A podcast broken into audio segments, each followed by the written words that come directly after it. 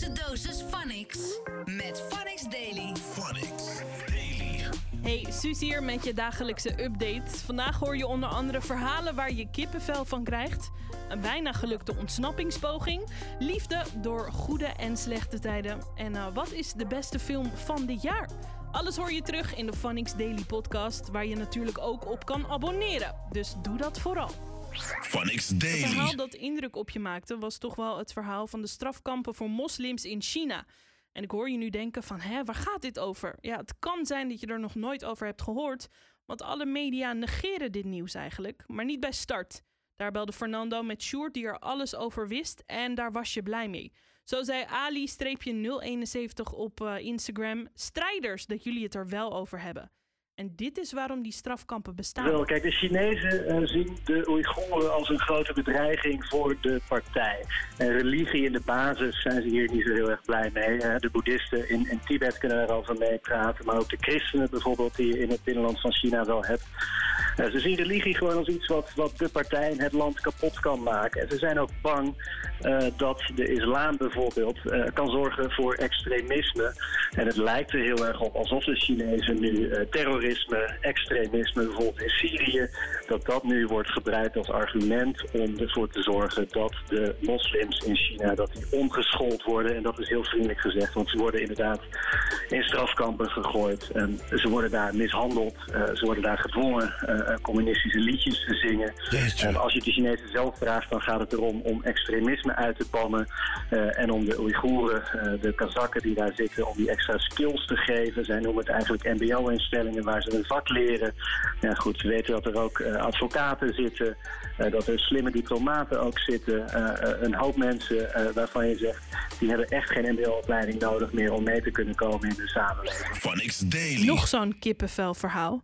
Er staat een artikel online over de jongen die de moordenaar van zijn broer knuffelt. En het verhaal gaat dus zo. Een paar jaar geleden schoot Amber Geiger haar bovenbuurman dood. En ze dacht dat hij een inbreker was. Nou, ze is al schuldig bevonden voor moord. En gisteren hoorden ze dat ze tien jaar mag gaan zitten.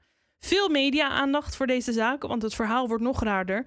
Amber dacht dat ze haar eigen huis inliep, maar dat was dus niet zo. Het was het huis van de bovenbuurman. Hij zat dus gewoon in zijn eigen huis. Maar het was niet ehm, dat verhaal wat de aandacht kreeg, maar dit emotionele moment van Botham's broertje. If you truly are sorry, I know I can speak for myself. I I forgive you. And I know if you go to God and ask him, he will forgive you.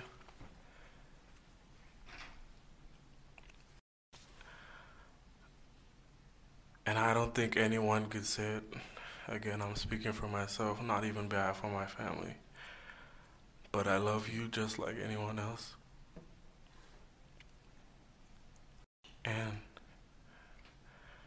I'm not gonna say I hope you rot and die just like my brother did, but I see I I personally want the best for you.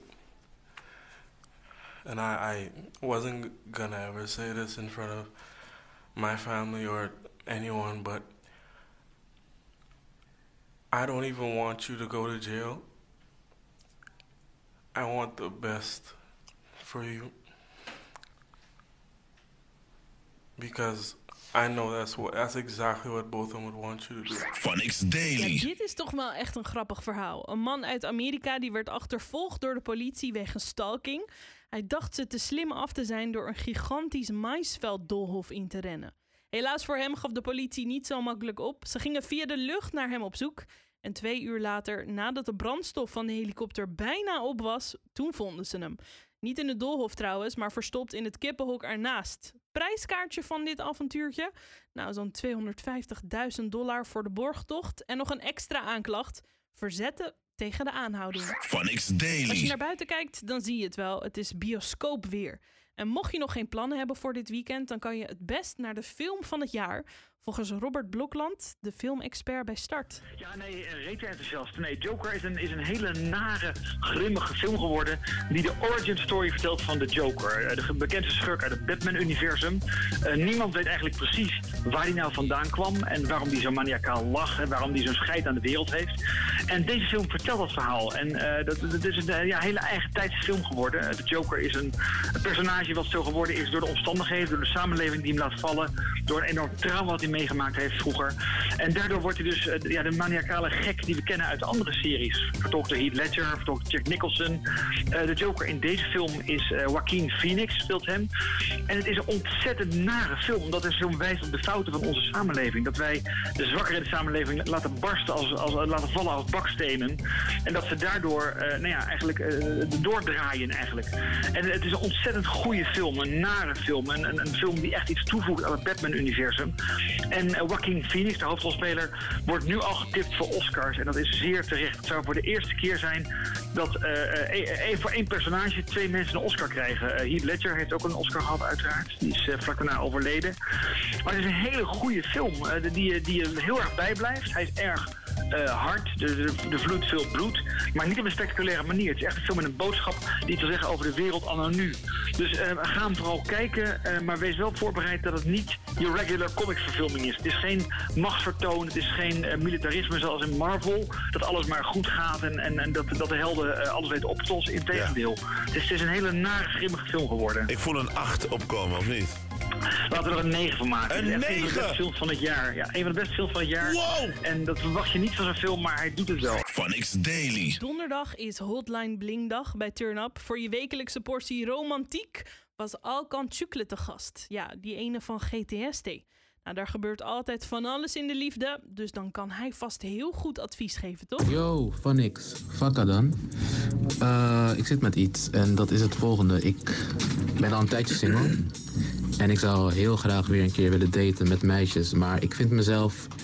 Ik ben niet zo zelfverzekerd en ik vind mezelf soms best wel een beetje lelijk of zo. En ik durf niet zo gauw op meisjes af te stappen. En het lijkt me echt leuk om weer een keer samen te kroelen met meisjes en gewoon echt een leuke tijd te hebben, man. Dus wat moet ik doen? Oké, dit is een eh, jongen die een beetje Ja. onzeker is. Ja. Ja, ik wil ten eerste zeggen, echt respect dat je je zo kwetsbaar opstelt. Ja. Nee, ik meen het. En ehm, ik bedoel, en dat je jezelf zo ziet, is, ehm, is eigenlijk niet terecht. Kijk, het, het, het begint eigenlijk, je wilt met een meisje eerst kroelen, maar ik denk dat je eerst misschien, ja, gewoon zelf, zelf, zelfliefde. En dat je jezelf eigenlijk aankijkt en wel zegt dat je mooi bent. Ja, ik weet niet, het is misschien cliché, maar ik denk toch voor jou. En die stap dat je zo kwetsbaar durft te zijn, überhaupt op de radio, dat geeft al aan dat je een heel sterk karakter hebt. Dus je kan het wel. Je dagelijkse dosis Phonics. Met Phonics Daily. Phonics Daily. Dat was hem voor vandaag. Het is vrijdag, dus ik wens je bij deze alvast een fijn weekend toe. Maandag dan zijn we weer terug met de nieuwe Phonics Daily. Blijf up to date met Phonics Daily. Phonics. The sound of the city.